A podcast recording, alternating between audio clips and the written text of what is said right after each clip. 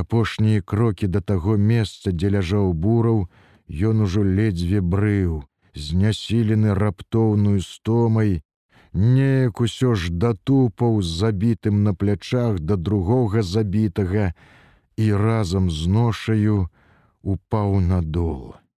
Здаецца, сілы ў яго ўжо не засталося, бо не засталося надзеі. Усё зайшло ў абсалютны тупік. І толькі яшчэ недарэчна доўжылася яго жыццё, якое цяпер немаведама, навошта яму. Што яму рабіць цяпер з ягоным жыццём? Чым яму абараніць яго і ці варта абараняць наогул?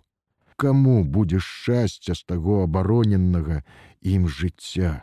Хто ўзрадуецца таму жыццю, калі самому яно ўжо не на радасць, а на беспрасветныя злыя пакуты. Трохі паляжаўшы, ён заварушыўся, сеў, выпрастаўшы ногі, сядзеў на золкім доле пагорка. Праз туманы голае вецце кустоўя, унізе па-начному цьмяна і санліва паблізкавала рака і ляжалі побач двое забітых. Дзіўна, яны прыехалі на станцыю, каб забіць яго, ды ўсё атрымалася інакш. Ён вось жывы, а яны мёртвыя. І во дзіва, яму няма з таго радасці, нібы ён сам таксама ўжо мёртвы. Сушэнне трохі пацягнуўся, паправіў войціка, перакаціў яго на спіну. Пасля падумаўшы, стаў на калені, падцягнуў пад пахі яго танклявае, нібы ў падлетка цела, паклаў побач з буравым. Два партызаны, як у страі, плячо ў плячо, толькі адзін босы, а так абодва ў кашулях, без шапак старэйшы і малады, з вольнымі рукамі, без зброі. Зброя была ў яго, чорны міліцэйскі наган з сямю патронамі ў барабане. Але нашто яму сем патронаў?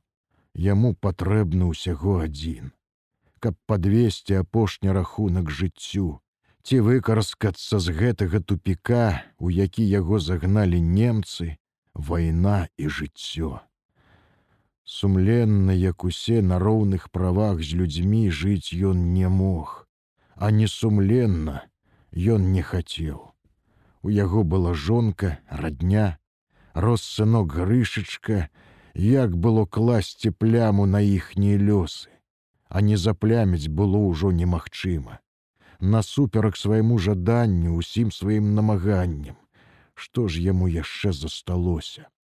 Ну але што ж мусіць, усё мае свой сэнс і свае законы. Чалавек не ўсё можа. Часам ён не можа нічога. Загінулі ж гэтыя людзі, партызаны і патрыёты. Чым ён лепшы за іх. Ён жа ў іх смертны час быў разам з імі і ўжо хоць бы таму заслужыў такую самую смерць.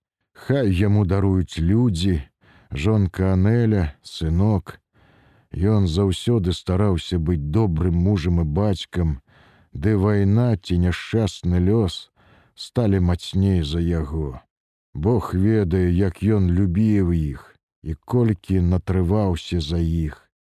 Мусіць было б усё інакш, калі б не гэтая яго любоў, якую скарысталі з разлікам тыя, што загналі яго ў гэтую пастку, пакінуўшы іх заложнікамі.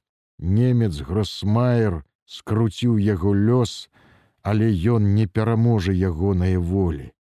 Ягоная вольная воля можа тое адзінае, што засталося непадлеглым нікому. Усё ж ён памрэ на свой выбар. Хай хоць гэта суцешыць яго у яго горкай долі. Іншага суцяшэння сабе ён ужо не знаходзіў. Золкай туманнай ноччу група падрыўнікоў партызанскай брыгады дядзі Сашы прабіралася на шашу, каб замініраваць мост цераз рэсу. Хлопцы трохі заблудзілі з вечара і выйшлі на дарогу ў баку ад моста. Каб зноў не блукаць паначы і зэканоміць час, паціху пайшлі над адхонам. Ішлі моўчкі, насцярожанна, след у след за пярэднім, старшым групы вайсковым сяржантам з акружэнцаў.